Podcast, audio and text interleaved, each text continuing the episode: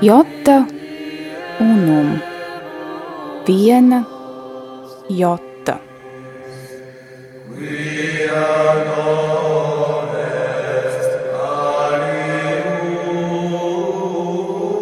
Tradīcija Skaistums, kas paceļas pāri laikam. Skaistais ir paties, skaistais ir labs.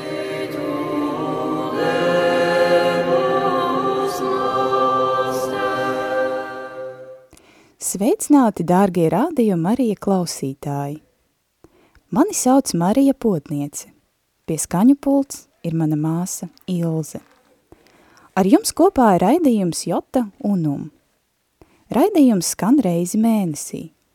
Parasti katra mēneša 4. sestdienā, bet nākamais raidījums gan mums iecerēts 18. decembrī.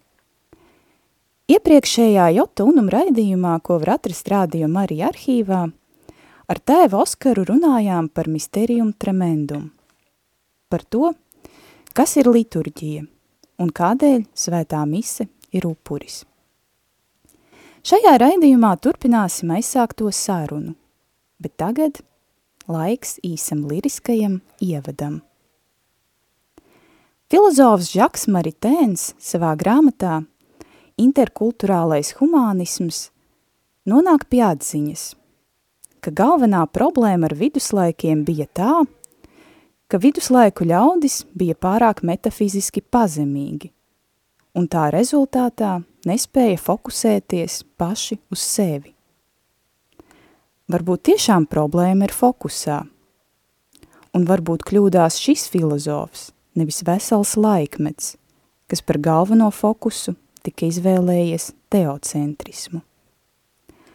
Lai to noskaidrotu, turpināsim aizsākto sarunu ar tēvu Oskaru par to, kam tad jābūt liturģijas un mūsu dzīves centrā – dievam vai cilvēkam. Un tā, no Liepājas mums gatavs pieslēgties priesteris, Dominikāņu tēvs, Oskars Jabloņskis. Sveicināts tēv Oskar! Sveicināti! Slavēts Jēzus Kristus! Mūžīgi mūžos, lai ir slavēts. Tātad, pagājušo mēnesi mums bija saruna par liturģiju.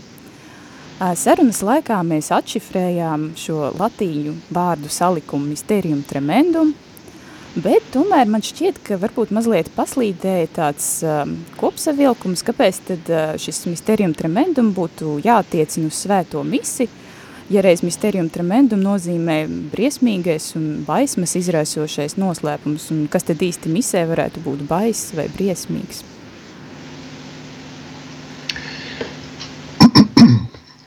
Teiksim tā, kad es jums pasniedzu liturgiku, un ne tikai jums, arī praktiski visiem iepriekšējiem kursiem, mēģināju norādīt, ka ir dažādi nosaukumi, dažādi apzīmējumi svētajai misē. Nu, viņi ir tādi, kādi ir. Daži stāsta, ka viņi ir tādi uz protestantu pusi, daži saka, ka viņi vienkārši ir bibliski. Gan tā, gan tā var pateikt. Bet ir arī dokumenti, izdoti pēc Vatikāna otrā koncila, kas norāda uz kaut ko, kas ir visbūtiskākais, teiksim, svētā mise. Man priekšā ir daži dokumenti, Pirmais, kuru citēšu, ir no 1967. gada. Tā ir instrukcija, saucas Euharistikum Mysterium, izdevā Sveto Rītu kongregācija šajā laikā tas sauc viņu, un varam trešā punktā lasīt šādu lietu. Tātad svētā mise, jeb kunga mielas, ir vienlaikus un neatdalāmā veida primāri upuris, kurai mums ir klāt krusta upuris. Otrkārt, Kristus nāves un augšām celšanās piemiņa. Treškārt, svētais mīlestības. Ja paskatāmies jaunā katehizmā, kārtība ir mainīta. Nezinu, kāpēc līdz galam. Tas nav tagad tik būtiski. Katrā ziņā upuris Labi. Un šeit ir, šeit ir jautājums, kāds upuris? Krusta upuris. Šeit vajag pamēģināt iedomāties,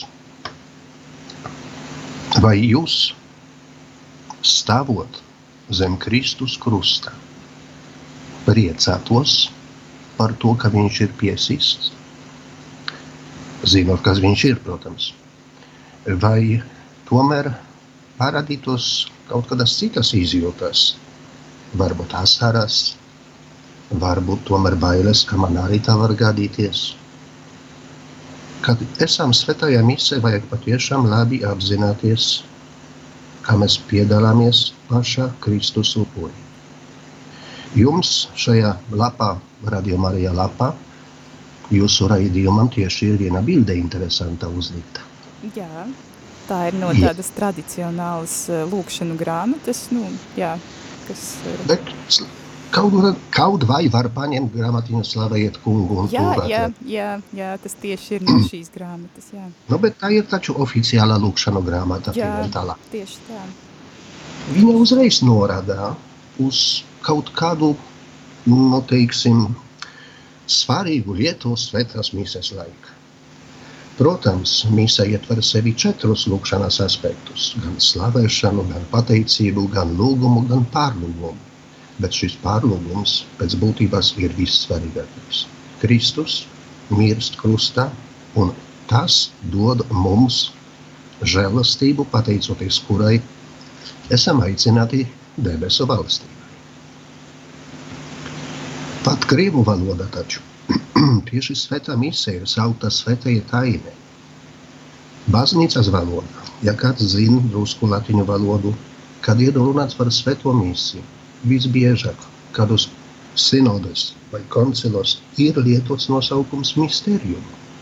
Tieši atgādināt visu laiku šo vārdu, lai apzinātos, ka mēs nepiedalāmies cilvēciskā pasākumā, tikai dievišķa. Sakarā ar to tālāk secinājumu, kad atnācām uz baznīcu, kāda ir mūsu uzvedība, ko mēs darām, Vai apzināmies, kā priekšā mēs esam?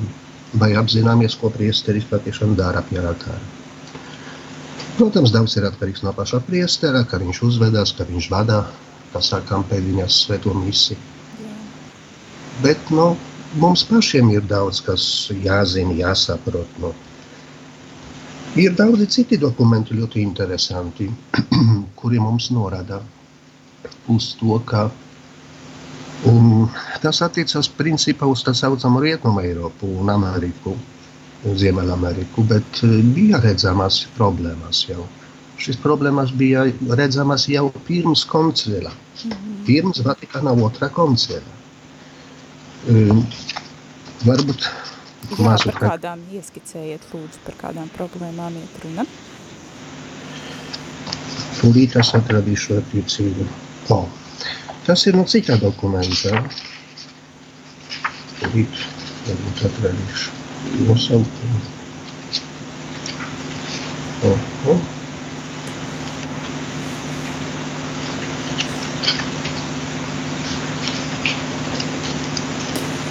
Jā. Tas ir no tā saucamā Euharistiku misteriju. Man paklausieties punktiņš no, no nodaļas, citas nodaļas, bet viens punkts saka par šādu lietu izmaiņas, kas bija ieviestas laicīgi uz kādu laiku, nesenos, laik, nesenos gados, dažreiz tika atzītas kā pastāvīgas, it, it kā tas būtu jau nolemtas.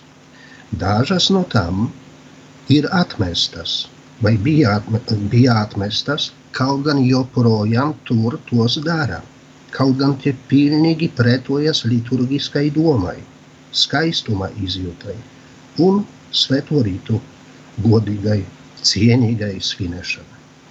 Un tālāk ir runāts par to, ka tie bija eksperimenti. Mm -hmm. Un tos eksperimentus pat nedrīkst turpināt. Jā, un kas no tā? Nekas. Kur turpināja, tur turpināja. Ja zinātu drusciņi liturgikas vēsturi, Es jums varu pateikt, ka tas sākas jau 20. gadsimta sākumā. Zem aizceļa, ļoti skaista aizceļa. Tas saucamās Euharistiskie kongresi. Mm -hmm. bija labas idejas, tikai no aizgāja, kā aizgāja. Un principā tas pārmaiņas, pēc tam jums vēl vienu dokumentu parādīšu. Tas pārmaiņas bija saistītas ar tā saucamā Beneluxa valsti - Beļģija, Holanda, Luksemburga. Un daļai pēc tam aizgāja Francijā un tā tālāk un tā tālāk un pamesas. Tāpēc šeit jāskatās ļoti mierīgi, jo tas ir tīri procesi. Tie ir vienkārši procesi. Dažiem cilvēkiem vienas lietas vairāk patīk, citiem citas. Fakts ir, ka, kā arī piemēram Jānis Pavils II savā pirmā enciklīkā pateica, ka cilvēks ir baznīcas ceļš. Nu, var to saprast divas, divos veidos cilvēks, kad cilvēks parastais cilvēks, var saprast Jēzus Kristus, kad Dievs un cilvēks. Nu, jā, šķiet, tas būs pareizāks veids, kā nu, to saprast. Protams, bet aizgāja, šķiet, ka aizgāja mm. uz drusku citu e, pusi, teiksim. Tāpēc arī, nu, tāpēc arī dažādas, dažādi eksperimenti, tā kā saku, bija veikti. Jā, un tieši tādēļ arī izriet mans nākamais jautājums. Noteikti tas ir saistībā ar šiem eksperimentiem. Tas ir nu, tāds ļoti praktisks jautājums, bet reizē liekas skandalos, raugoties uz citu valstu pieredzi. Kādēļ tad ir jābūt cienīgai svētās komunijas pieņemšanai? Tādēļ, ka ir redzēti atsevišķi kliedzoši video materiāli, kur svēto komuniju dala lāji, tā dēvēti ekstraordinārie piekalpotāji. Bet mēs taču zinām nu, no Akvīnas Toma teiktā par to, ka tikai principā konsekrētas rokas drīkst pieskarties konsekrētai hostijai. Kā tad, kā tad būtu pareizi darīt un kas ir tas vienīgais pareizais veids, kā mēs varam pieņemt šo visvētāko? Jā, bet e, ņemsim vērā primāri vienu lietiņu tādu, ka Akvinas Tomas nav baznīcas mācībā oficiālā. Tas nozīmē tādā nozīmē, kā stāv rakstīts, un viss, ko viņš pateica, ir absolūti. Nē, nē, nē neapšaubām, pareiz. bet nu, mēs labi. viņu cienam. Jā, kā... Jā, labi, bet tālāk. Akvinas Toms arī saka, ka ārkārtas gadījumos var gadīties, ka arī laicīgais cilvēks var aiznest komuniju kaut kur ārkārtas gadījums. Jā, jā. Jo, ja zinām baznīcas vēsturi, Nē, neapšaubām. mūsdienās ir tā. Daudzi, kas argumentē par to, lai dotu komuniju uz rokas, atsaucas uz viskaut kādiem tekstiem, veciem tekstiem. Visbiežāk ir piesaukts mm, Kirillis no Jeruzalemes, viņam 21.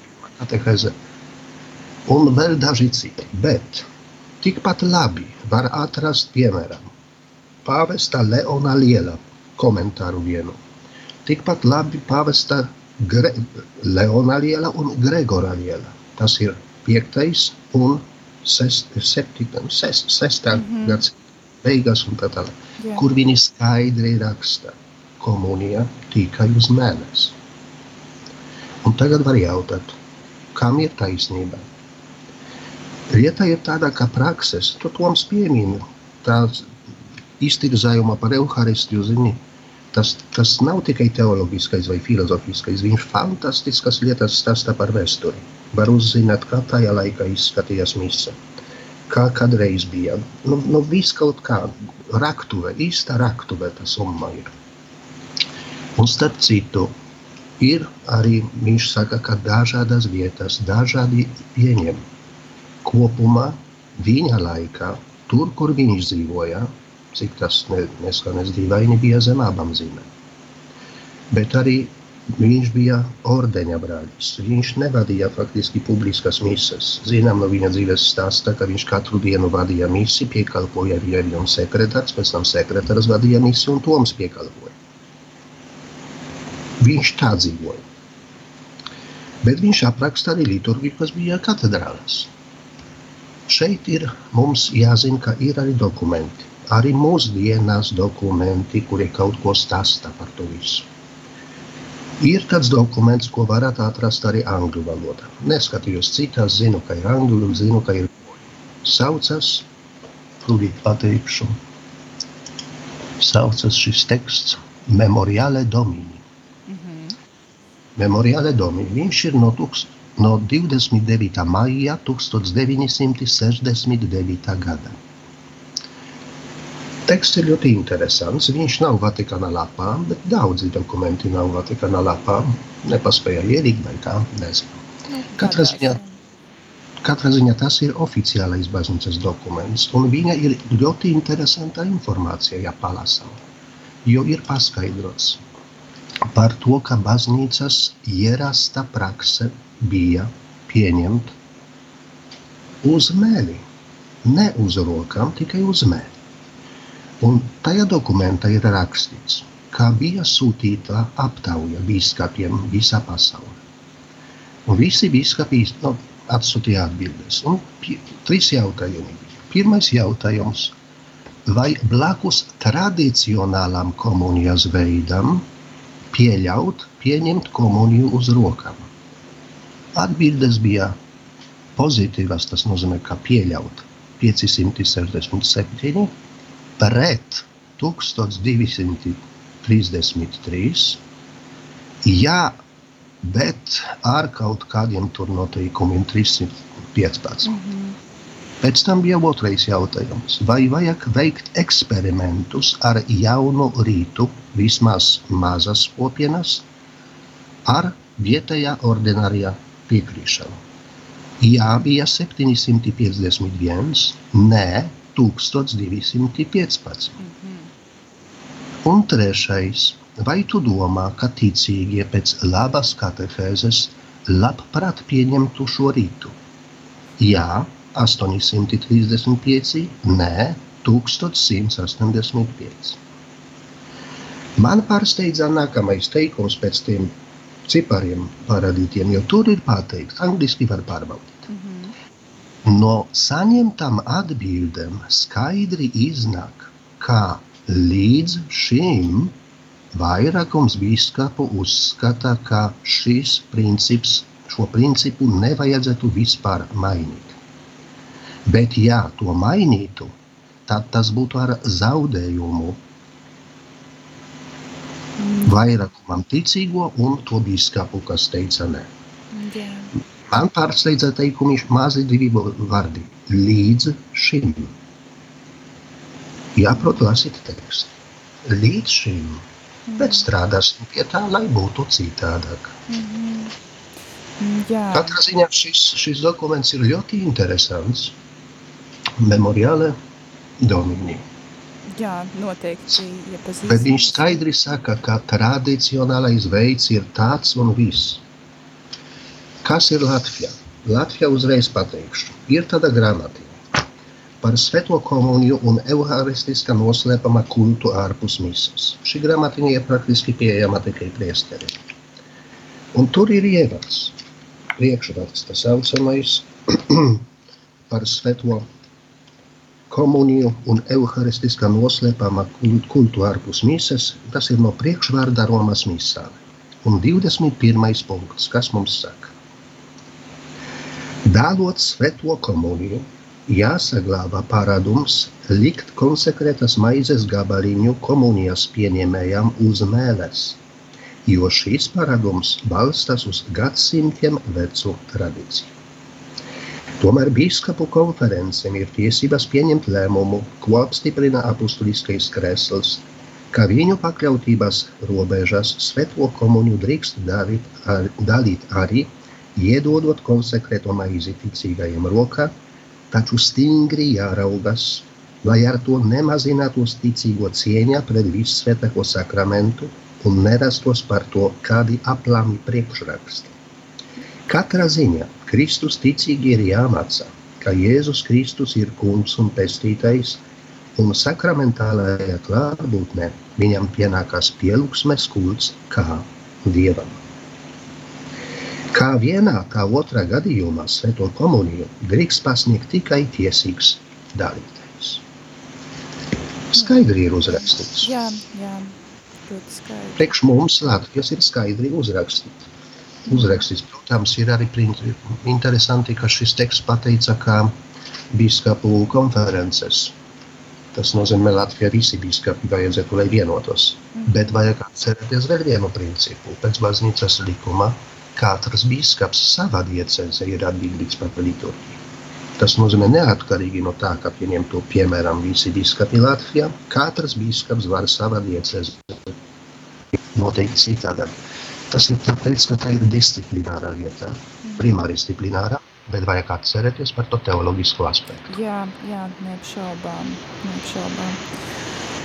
Tad, eh, ņemot vērā to, ka mēs jau uzsākām mazliet sarunu par šiem tradicionālajiem veidiem, par eh, to, ka baznīcā ir cieņā tas, ko gadsimtos mēs esam darījuši, tad varbūt mazliet parunāsim par šo tradicionālo latīņu rīta misi, jo pieņemsim lasot saskaņā ar piebalga tulkoto pie paša grāmatu mācieties saprast svēto misu, Um, var noprast, ka šīs um, tradicionālās mises pirmsākumu iesniedzas pirmajos gadsimtos, respektīvi tā ir praktiski tikpat veca, cik katolicisms un kristietība kā tāda.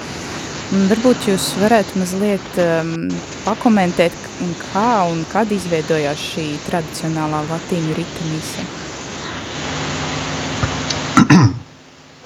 ir tā. Mums ir Jāatcerās, ka sekotnēji baznīca attīstījās nepārāk labvēlīgos apstākļos.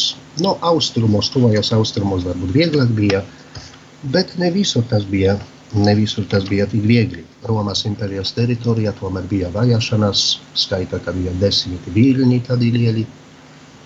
Kristiešiem vajadzētu slēpties. Mums ir dažas liecības, kuras stāsta, kā izskatījās svētā mise. Nu, ne līdz pēdējam sīkumam, bet tomēr daudz maz. Viens no svarīgākajiem tādiem tekstiem, kas mums ir, ir no Sveta Justina mocekļa apologijas pirmās, kur viņš dod aprakstu.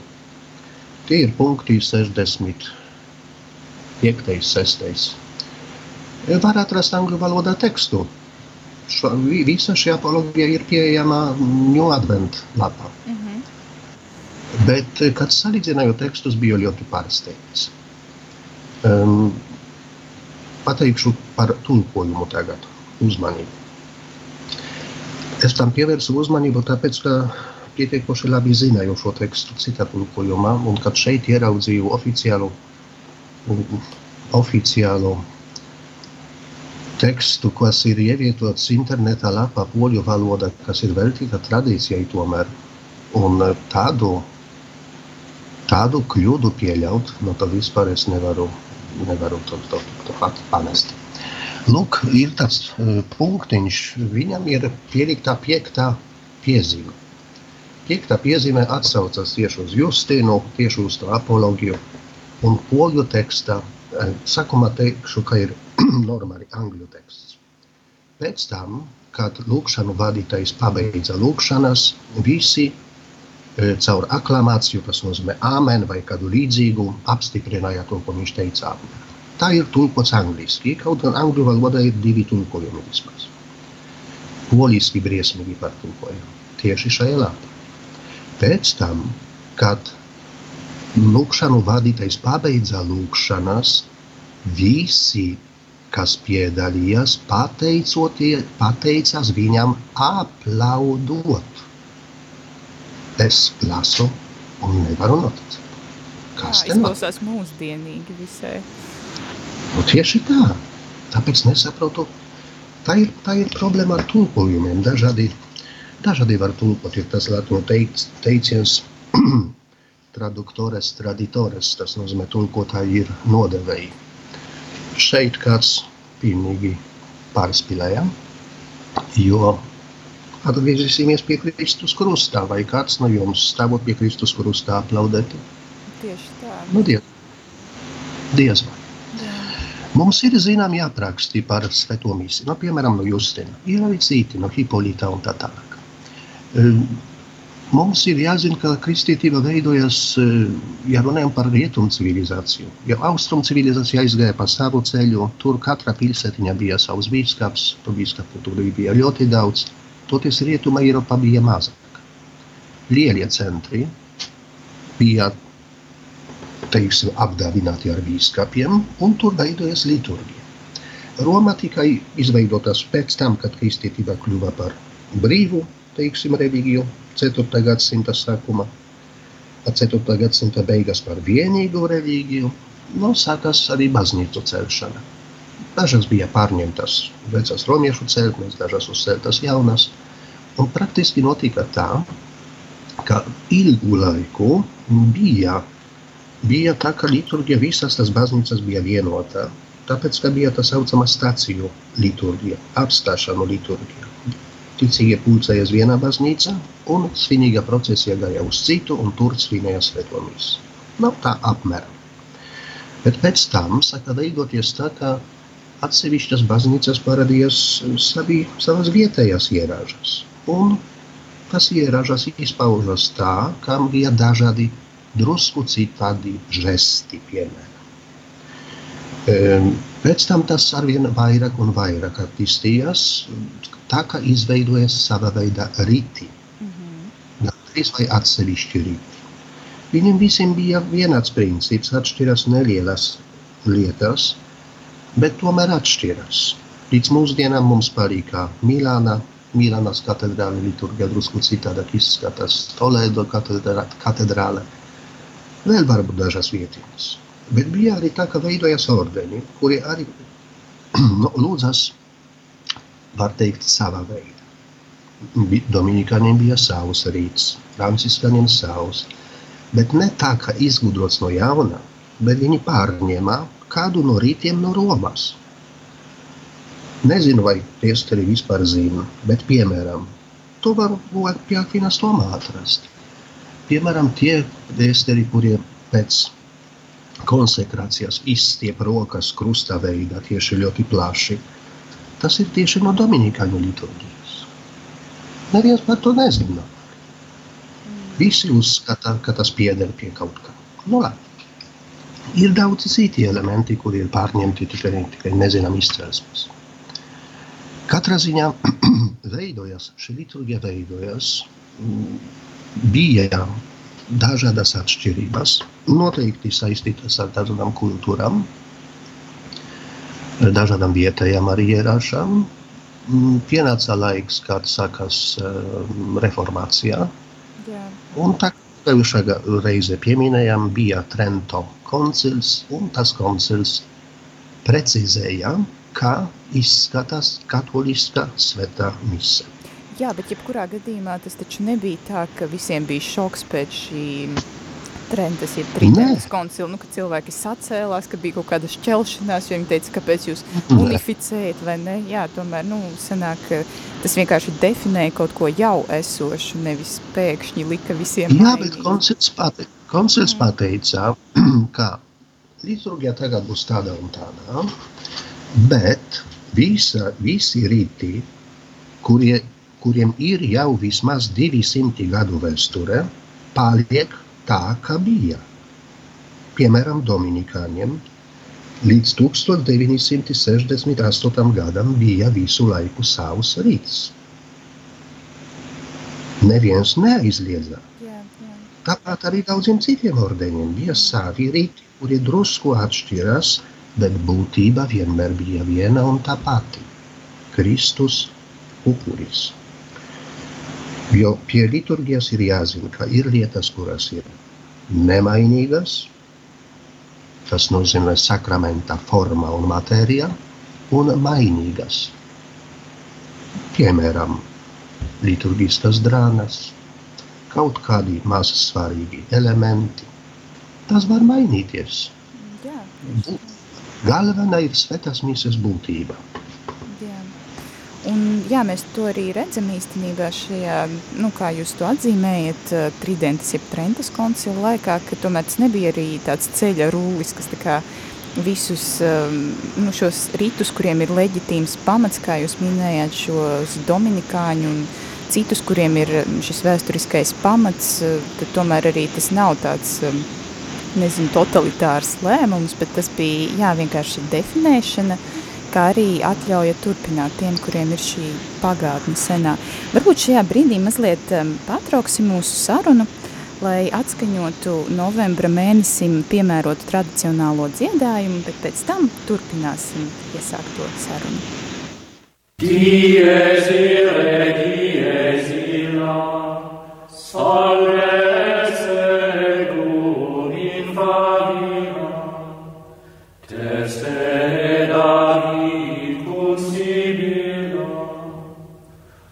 Sanctus Tre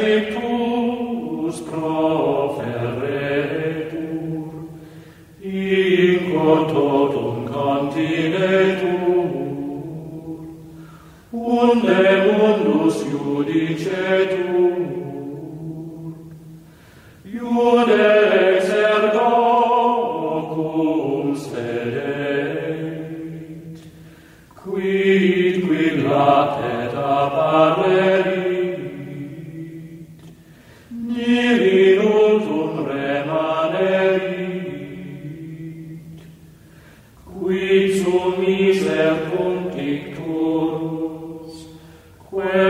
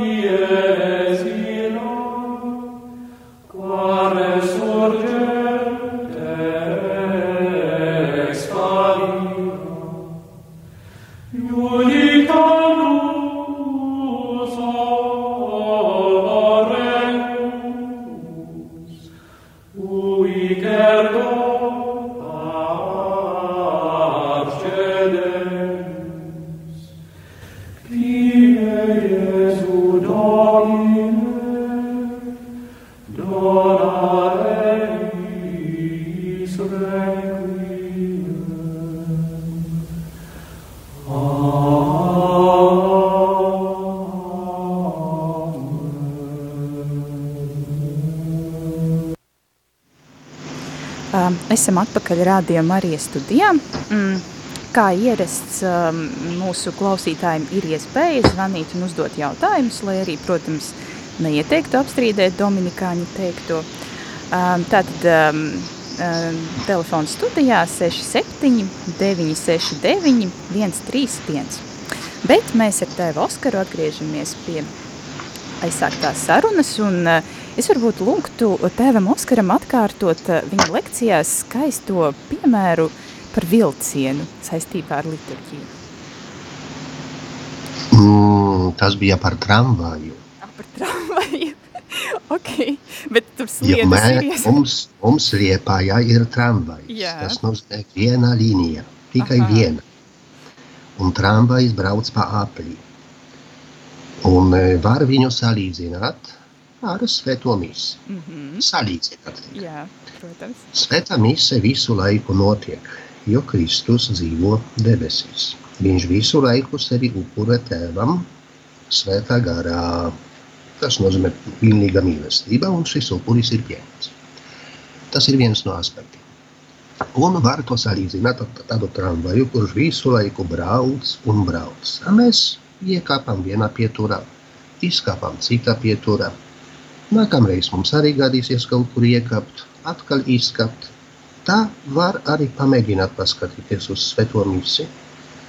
Arī laika ziņa var teikt, ka Svētā misija notiek visā pasaulē, ir laika zonās. Var teikt, ka visu laiku kaut kur, no gandrīz izņemot kluso okeānu, varbūt kaut gan tur arī. Kaut kur notiek Svētā misija. Mēs piedalāmies Mēs to darām, tā, ka mums ir vajadzīga tā apziņa, ka mēs esam.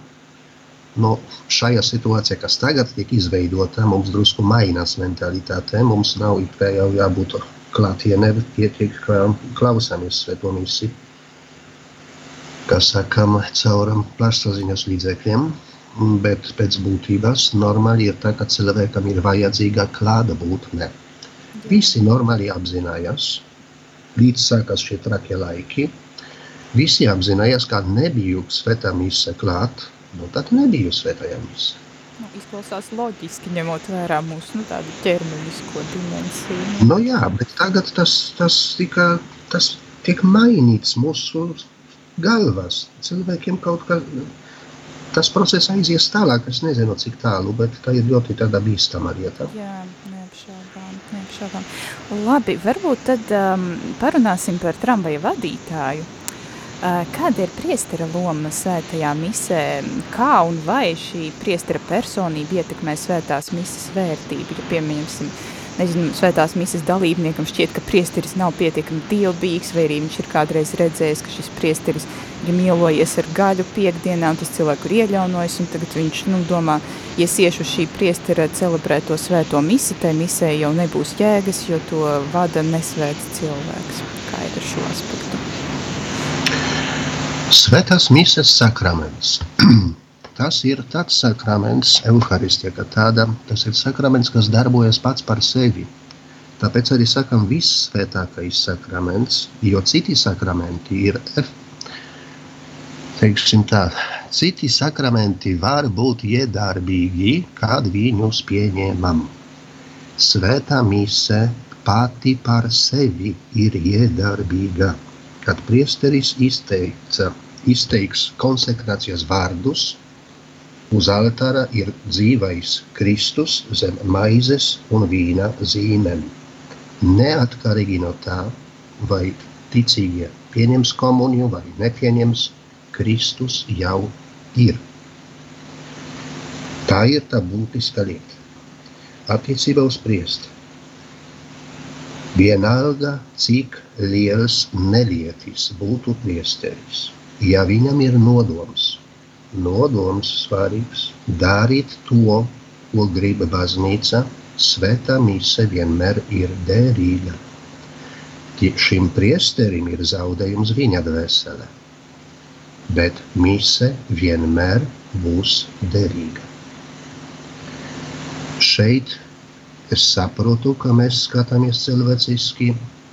Es zinu, ka ir ļoti dažādi priesteri, bet tas nemazina svētās mises kā upura nozīmi un darbīgumu. Protams, mēs esam aicināti lūgties par mūsu priesteriem, lai viņi visi ir svēti, jā. ideāli un tā tālāk. No, nu, bet dzīve ir kāda jā, ir. Jā, Papildus tam baznīca notiek diskusija.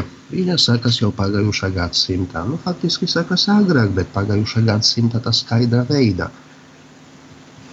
Vai priesteris ir kaut kas īpašs, vai viņš ir viens no. Un tur ir problēma. Šī problēma arvien vairāk parādās. Īpaši tagad sakarā ar sinodalitāti. Nezinu, ko jūs lasat vai dzirdat bet Vācijas baznīca ir tendences, lai likvidētu priesterības sakramentu. Nu, jā, Priesterība tādu, jā? jā. Tāpēc, ka viņi jau tik tālu aizgāja, ka viņam priesteris ir uh, valsts ierēdnis. Mm. Viņam cietā alga, viņš ir ierēdnis faktiski. Mm -hmm. Cilvēkiem ir mainīta tā domāšana. Mums priesteris ceru, ka tomēr ir cienījams Pats skaista dziesma ir priest, priesteri un arī ļoti skaista, kurā saka par to priestera būtību un tā tālāk. Mm -hmm. um, Jā. Tas ir process. Man ir, piemēram, viena grāmata interesanta. Autors ir Šārls Žurnē. Šī grāmata ir no 1959. gada. Man ir, man ir poļu tulkojums. 59. gads tas ir pirms koncila vēl bet pārsteidza mani viens teksts, teiksim, bet viņš jau norāda uz to, kas bija šajā laikā. Šis cilvēks, Šārls Žurnē, bija Friburgas, Šveices Friburgas lielā seminārā profesors. Un viņš uzrakstīja tādu grāmatu Svētā mise, krusta upura klātbūtne. Vai svētās misijas laikā ir krusta upuris? Grāmata ir bieza. Visus tekstus, kurus bija iespējams dabūt, viņš dabūja un visus saliek pa, pa plauktiņiem, teiksim. Nu, un atbilde viņam ir šāda, no Vatikānas. Rakstā kāds substitūts no, sekretari, no štata sekretariāta. Jau pats jūsu darba nosaukums liecina par jūsu nostāju šajā tik smalka un teologu mm, pārrunāta jautājuma, kas saistīts ar svētās mises būtību. Jūs to izdarījāt, jums bija ļoti grūts uzdevums no jūsu puses skaidrojums bija tāds, ka, kuru iesaka Trento koncils, noteikti tas e, palīdzēs, ne, nepalīdzēs. Noteikti tas bagātinās diskusiju par šīm tēmām. Šo tekstu var saprast gan tā, gan tā. No vienas puses, kā uzslavu, no otras puses, nu, skaisti nav uzrakstījāt, nu, nu labi, nu, mēs un tā iesim tālāk. Ja? Mm -hmm. No, no tā ir ar tiem diplomatiskiem tekstiem.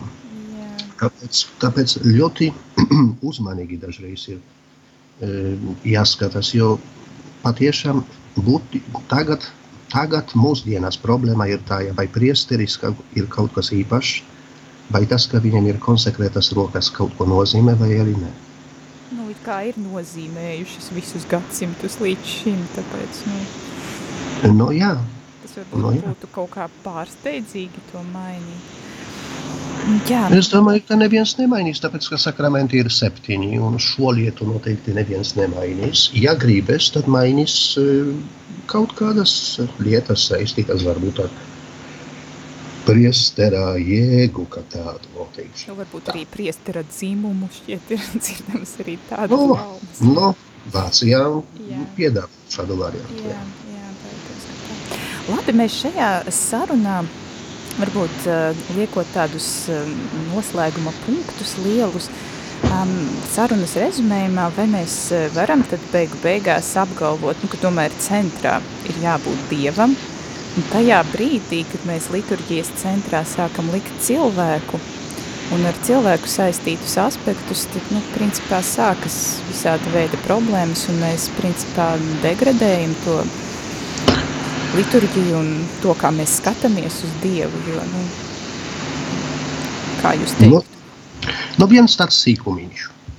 E, nu tagad maz cilvēku piedalās svētajā misē. Labi. Bet kad varēja piedalīties? Vai cilvēki gāja uz svēto misiju vienalga kādas drēbes, ikdienas? Senāk, bišķiņu senāk, teikšu, bija tā.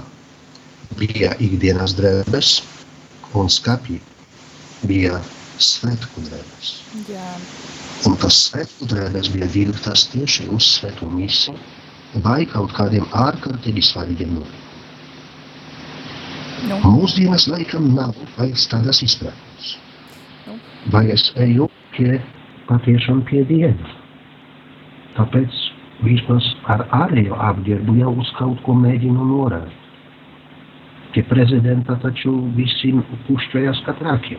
jā, Jā. vai uz operu, vai uz baletu, vai Nu, jā. tādām lietām. Jā, jā, Uz misiju kaut kā zaudējam, šķiet zaudējam dažas svarīgas nianses. jā, Nepamanām, negribam pamanīt. Grūti man pateikt. nu, Protams, ja, jā, katrs, ja, ja kādam katru dienu ir iespēja piedalīties svētā misē, tad viņš vispār par to nedomās. Bet agrāk bija tā, ka svētā misē bija svētdienas. Nu, agrāk, nu, Mhm. ne, ne visu, dažos rajonos no tā pieņemsim. Jā. Nu, laiki mainās, bet uh, tomēr mēs uh, redzam, ka saglabājot nu, to, to, kas ir nācis cauri gadsimtiem, kā nu, tāds labs pārbaudīts un drošs, ka tomēr, nu, ja mēs to atmetam, tad tas nu, tomēr ir zaudējums mums pašiem, nevienam citam. Nu jā, tad varbūt uh, ar šo um, noslēgsim sarunu. Uh, paldies jums, um, tēvs Oskar, par sarunu. Ā, Klausītājiem ām, vēlos atklāt, ka Tēvs Oskars ir speciālists ne tikai liturģijas, bet arī baznīcas sociālās mācības jomā. Tādēļ pavisam noteikti mēs viņu aicināsim uz sarunu. Jā, paldies jums, Tēvs Oskar. Paldies jums! Ā, Jā, labi, tad uz ā, sadzirdēšanos kādu citu reizi. Ā, Savukārt, runājot par raidījumu Jota Unum, Nākamajā raidījumā runāsim plašāk par tradicionālo latīņu misi, izceļot gan tās estētisko skaistumu, gan iedziļinoties tās būtībā, ko pasvītro neskaitāmi žesti un simboli ar dziļu teoloģisko jēgu un nozīmi. Tāpat kā parasti aicinām uz tradicionālo latīņu misiju ogrē rīt 28. novembrī 12.00. Aktuālā informācija, kā vienmēr, ir atrodama Una Voce blogā. Tātad vēlreiz atgādinu, rīt, 28. novembrī, 2012. ogrē tradicionālā latīņu mise. Tāpat raidījums Jota Unum atkārtoti aicina parakstīties par tradicionālās ģimenes jēdzienu nostiprināšanu satversmē. Aicina tiešām aizstāvēt savas kristīgās un katoliskās vērtības parakstoties. Parakstu vākšana, diemžēl, rit pārāk lēni, tādēļ lūdzu esiet aktīvi un iesaistieties. Kā to var izdarīt? Pirmais veids ir elektroniski, tas ir interneta vietnē latvija.lv slīpsvītra PV. Šis PV ir saīsinājums no parakstu vākšana. Tātad vēlreiz elektroniski. interneta vietnē latvija.lv slīpsvītra PV. Otrs veids, kā jūs varat to izdarīt, ir pie zvērinātiem notāriem vai parakstīšanās vietās pašvaldībās. Noslēgumā vēlos pateikties tiem, kas atbalstīja lūkšanās, kā arī tiem, kas klausījās. Uz tikšanos!